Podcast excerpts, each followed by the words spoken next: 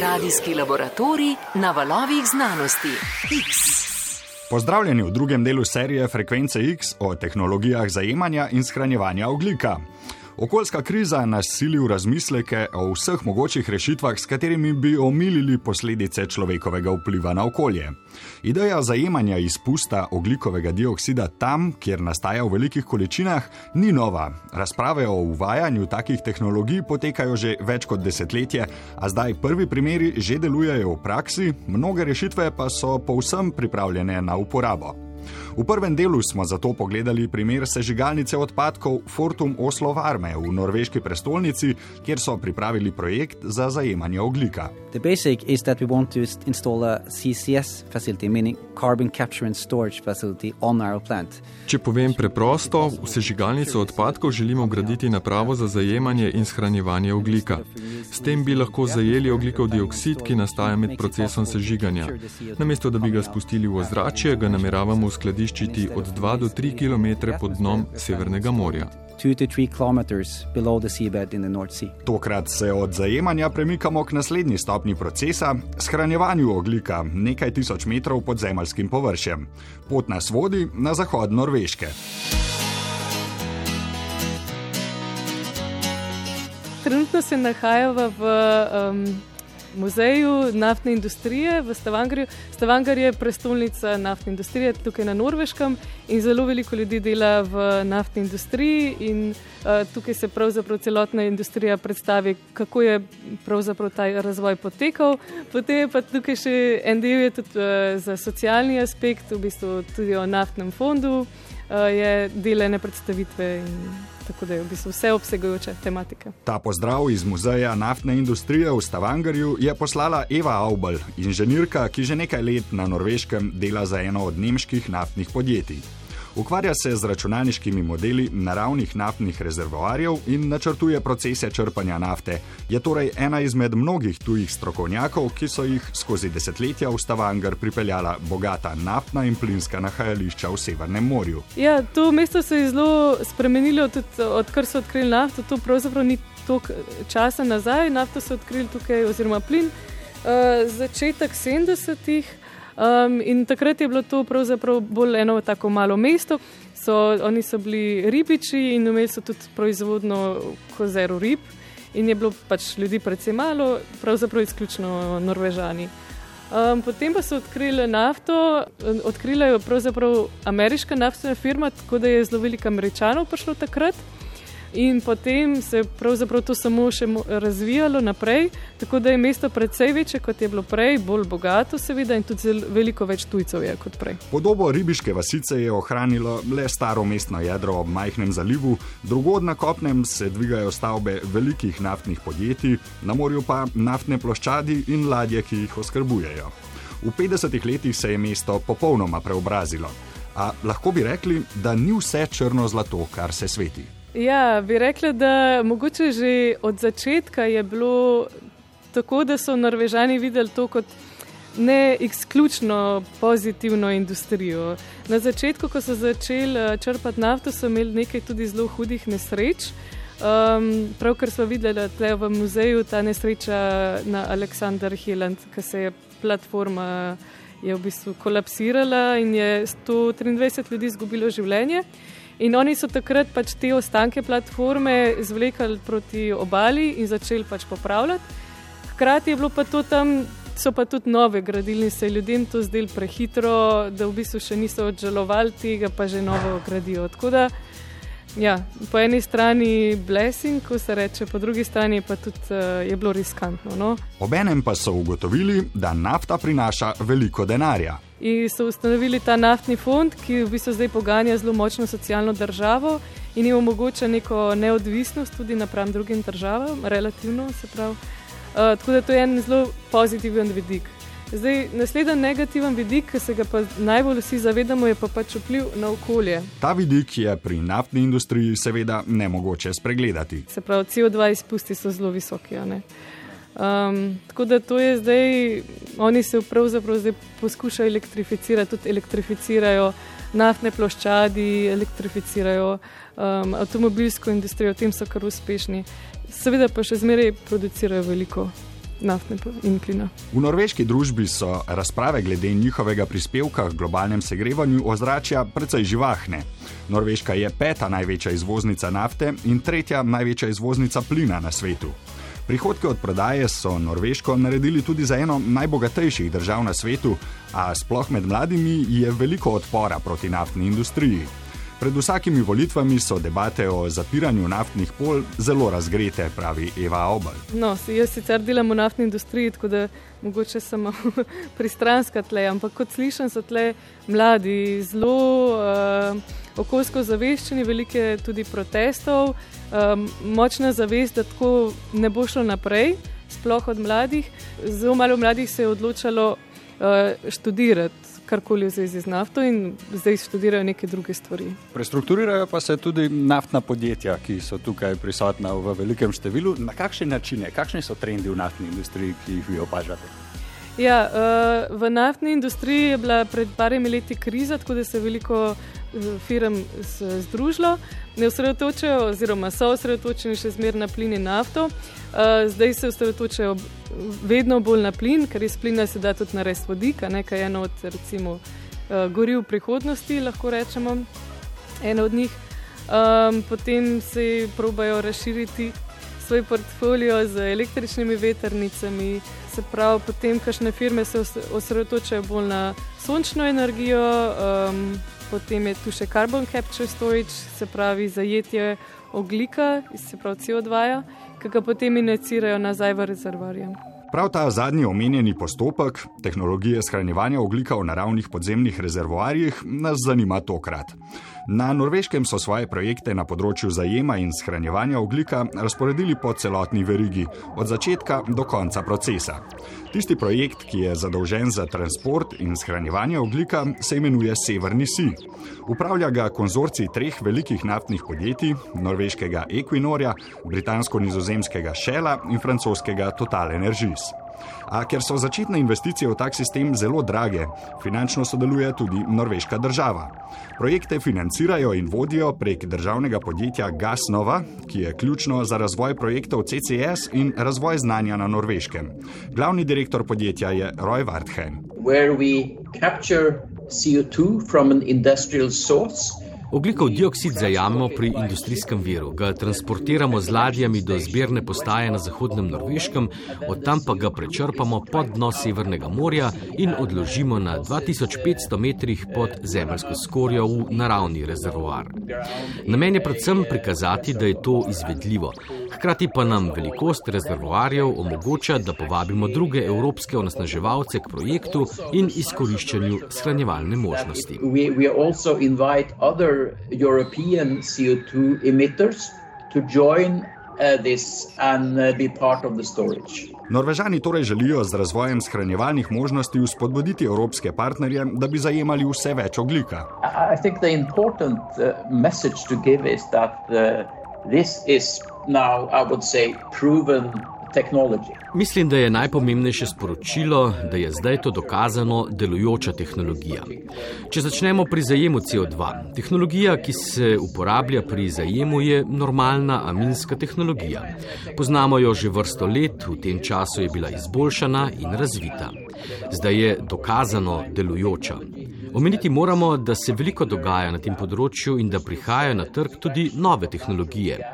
Glede transporta oglikovega dioksida z ladjami, to je običajen posel, že dolgo to počnejo velike tovarne gnojil, tako da je tudi dokazano varen. Pri shranjevanju pa je tako. Dejstvo je, da Norveška oduzema CO2 iz naravnega plina na ploščadi Sleitner že 25 let. Vsako leto tam uskladiščijo 800 tisoč ton CO2. Pred desetimi leti se je začel še drug tak projekt na severu države, tudi ta projekt deluje še zdaj. Pridobili smo torej veliko znanja o geoloških strukturah, ki so primerne za skladiščenje CO2 in poznejše nadzorovanje uskladiščenega plina. Vsi deli verige so torej preizkušeni, seveda pa se razvoj na vsaki stopni nadaljuje, predvsem je veliko raziskav na področju zajema, saj bi s tem lahko znižali ceno postopka. Especially capture part, uh, there is a lot of research going on in order to reduce the cost of the process. Kako je torej mogoče oglikov dioksid, ki bi šel drugače v ozračje, spraviti nekaj tisoč metrov pod površje Zemlje in biti prepričan, da bo tam tudi ostal? Postopek in pogoje razlaga geolog Miloš Markič, ki se na Geološkem zavodu Slovenije ukvarja tudi s tehnologijami shranjevanja CO2. Prva funkcija geološke stroke je to, da opredeli geološko okolje, v katerih se lahko CO2 eh, skladišči in se tam to se pravi trajno zadrži. Prvi predpogoj za primernost geološke strukture je, da leži vsaj 800 metrov pod površjem. Torej, ta globina 800 metrov, ali pa natančno fizikalno gledano, je 740 metrov, ker pri uh, tlaku 74 barov, to se pravi, to je 740 metrov. CO2 iz plinastega stanja preide v tekoče stanje. To je, to sprav, to, temu pogoju mora biti v osnovi zadoščeno, da je to globlje kot 800 metrov. Poznamo pa tri vrste globokih geoloških formacij, ki so primerne za shranjevanje oglika. Najbolj primerne, oziroma največjo prostorino imajo tako imenovani slani, eh, globoki slani vodonosniki. Slani zato, ker gre za vode, ki, v katerih je precej raztopljenih uh, mineralnih snovi, kar pomeni, da so to razmeroma stare vode in nimajo znatne cirkulacije z ostalimi vodami. Te imajo potencial, relativni potencial tisoč, rečemo. Ne? Desetkrat manjši potencial, to se pravi, recimo sto, imajo opuščena uh, naftna in plinska polja in v te formacije lahko tudi skladiščimo CO2.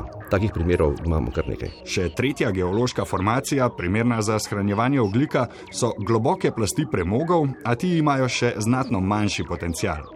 Vse tri vrste primernih geoloških struktur najdemo tudi v Sloveniji. Vse to je v prekmorju, vse to je v tako imenovani Murski depresiji, oziroma zdaj to imenujemo Mursko-Zalski bazen. Ta nahajališča so zelo dobro raziskana in preiskana, pravzaprav o njih vse vemo. Ne?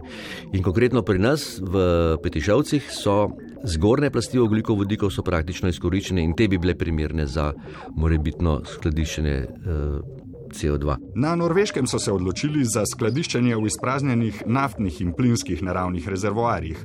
Seveda, precej jih imajo na voljo.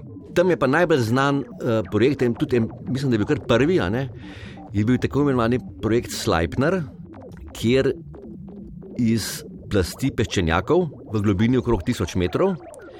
V to, v to formacijo, ki ima zelo homogeno, enostavno, neizmerni volumni tega, so, ne, neizmerna prostorina tega je, enostavna struktura, poenotene eh, fizikalne, geomehanske lastnosti teh kamnin v to vtiskajo CO2. Plin, ki ga pošiljajo v globino, bo do terminala na obali zahodne Norveške prišel z ladjami, od tam pa po cevovodih do svojega zadnjega počivališča.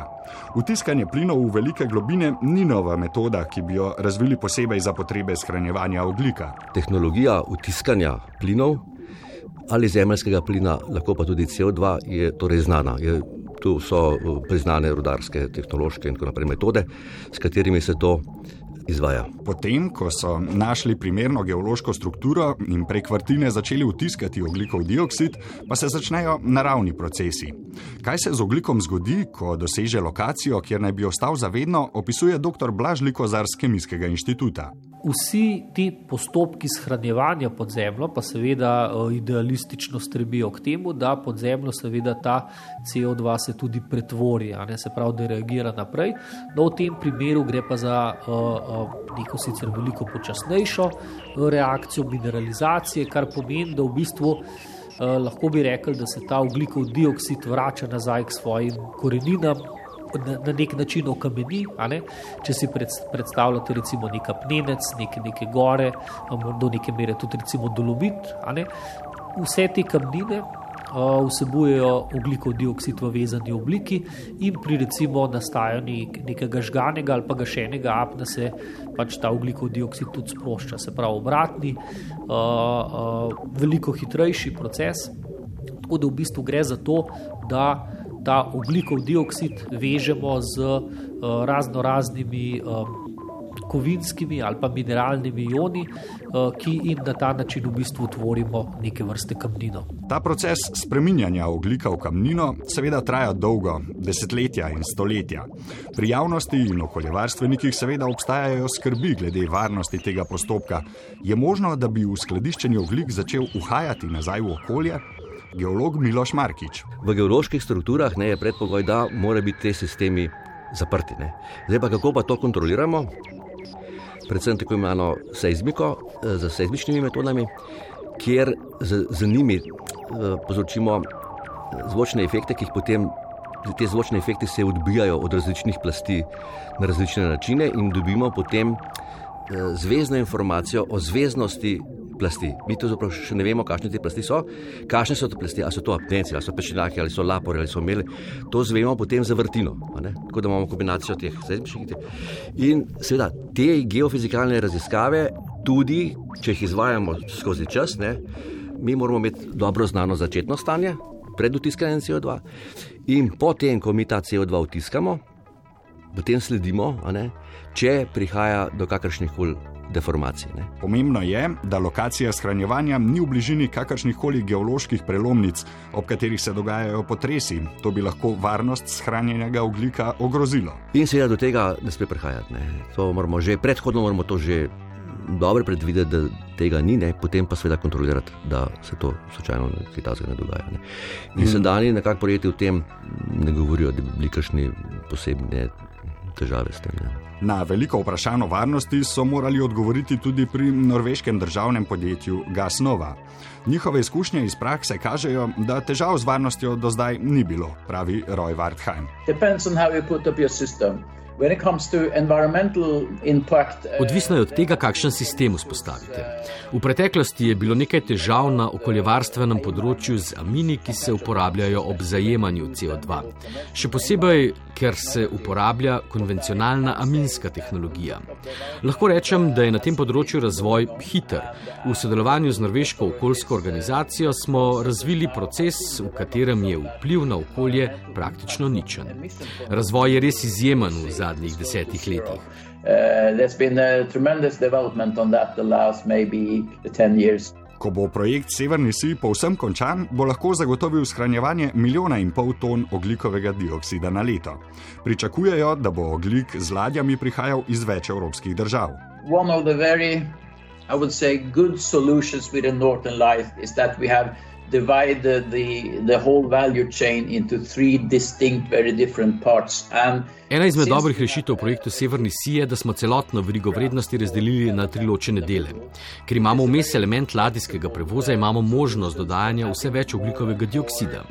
Infrastruktura, ki jo potrebujemo na mestih zajemanja v Evropi, mora biti narejena tako, da lahko pretovori utekočinjen oglikov dioksid do najbližjega pristanišča, odkudar ga bodo ladje lahko prepeljale do zahodne Norveške. Infrastruktura in fleksibilnost projekta Severni Sij ponujata odlično priložnost za velike onosnaževalce v Evropi, da se priključijo sistemu. Connect to the system. To bo odvisno predvsem od izvedenih projektov za zajemanje oglika, ki so izjemno dragi in se jih evropske države zato lotevajo počasi.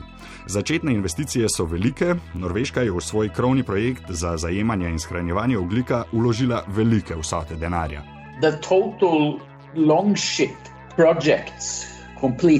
Celoten projekt Longship ima proračun okrog 2 milijardi evrov. To je velik projekt. To prispeva država, potem pa so tu še sredstva zasebnih podjetij.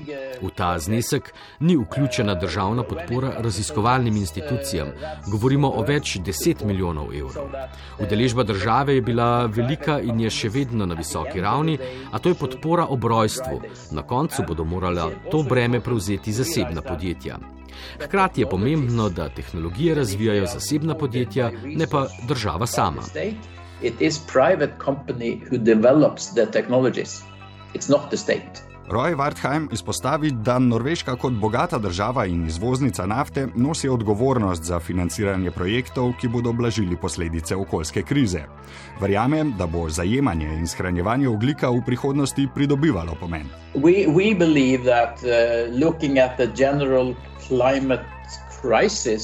Verjamemo, da boste v okviru okoljske krize zajemanje in shranjevanje oglika eno izmed pomembnih orodij. Sploh za razogličenje industrije, ki je ne moremo kar opustiti, denimo cementarn ali jeklarn. Za take izpuste bo CCS nujen. Zdaj, ko svet pozna zmogljivosti našega projekta Longship, se je interes industrije povečal, tudi zanimanje nekaterih držav je večje. Zelo aktivni so v Veliki Britaniji, Belgiji, Franciji in na Nizozemskem. Nemčija je poseben primer. Veliko je bilo zadržkov v javnosti, saj so tehnologije CCS videti kot podaljševanje obdobja fosilnih goriv. A celo v Nemčiji se zanimanje povečuje. Severni Si je prva vzpostavljena infrastruktura za shranjevanje, a trenutno tudi nekaj drugih podjetij začenja pogovore o začetku takih shranjevalnih operacij. Zajemanje in shranjevanje oglika v Evropi pridobivata zagon.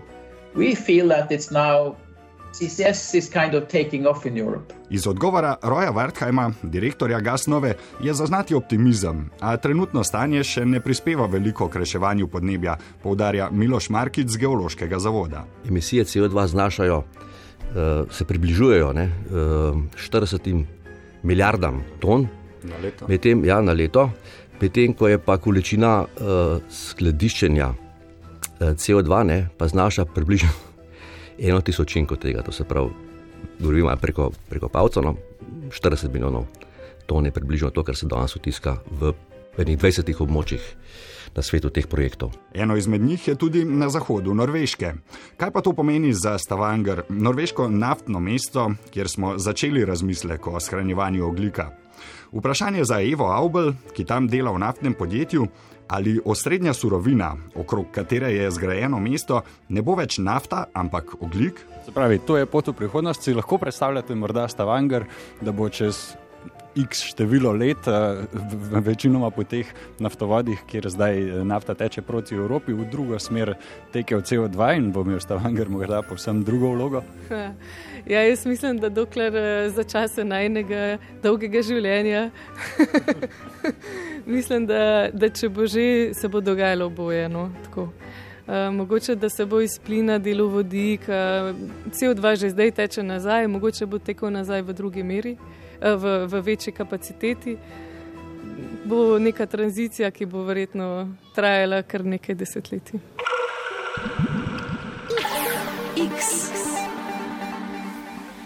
Oglik smo torej v prvih dveh delih serije Frekvence X najprej zajeli in na to shranili.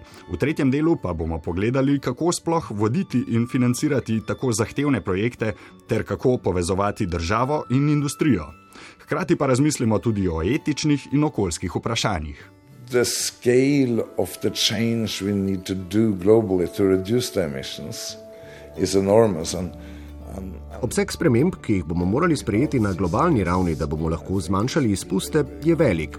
Brez zajemanja in shranjevanja oglika bo to zelo težko, lahko bi vodilo tudi v stopnjevanje revščine.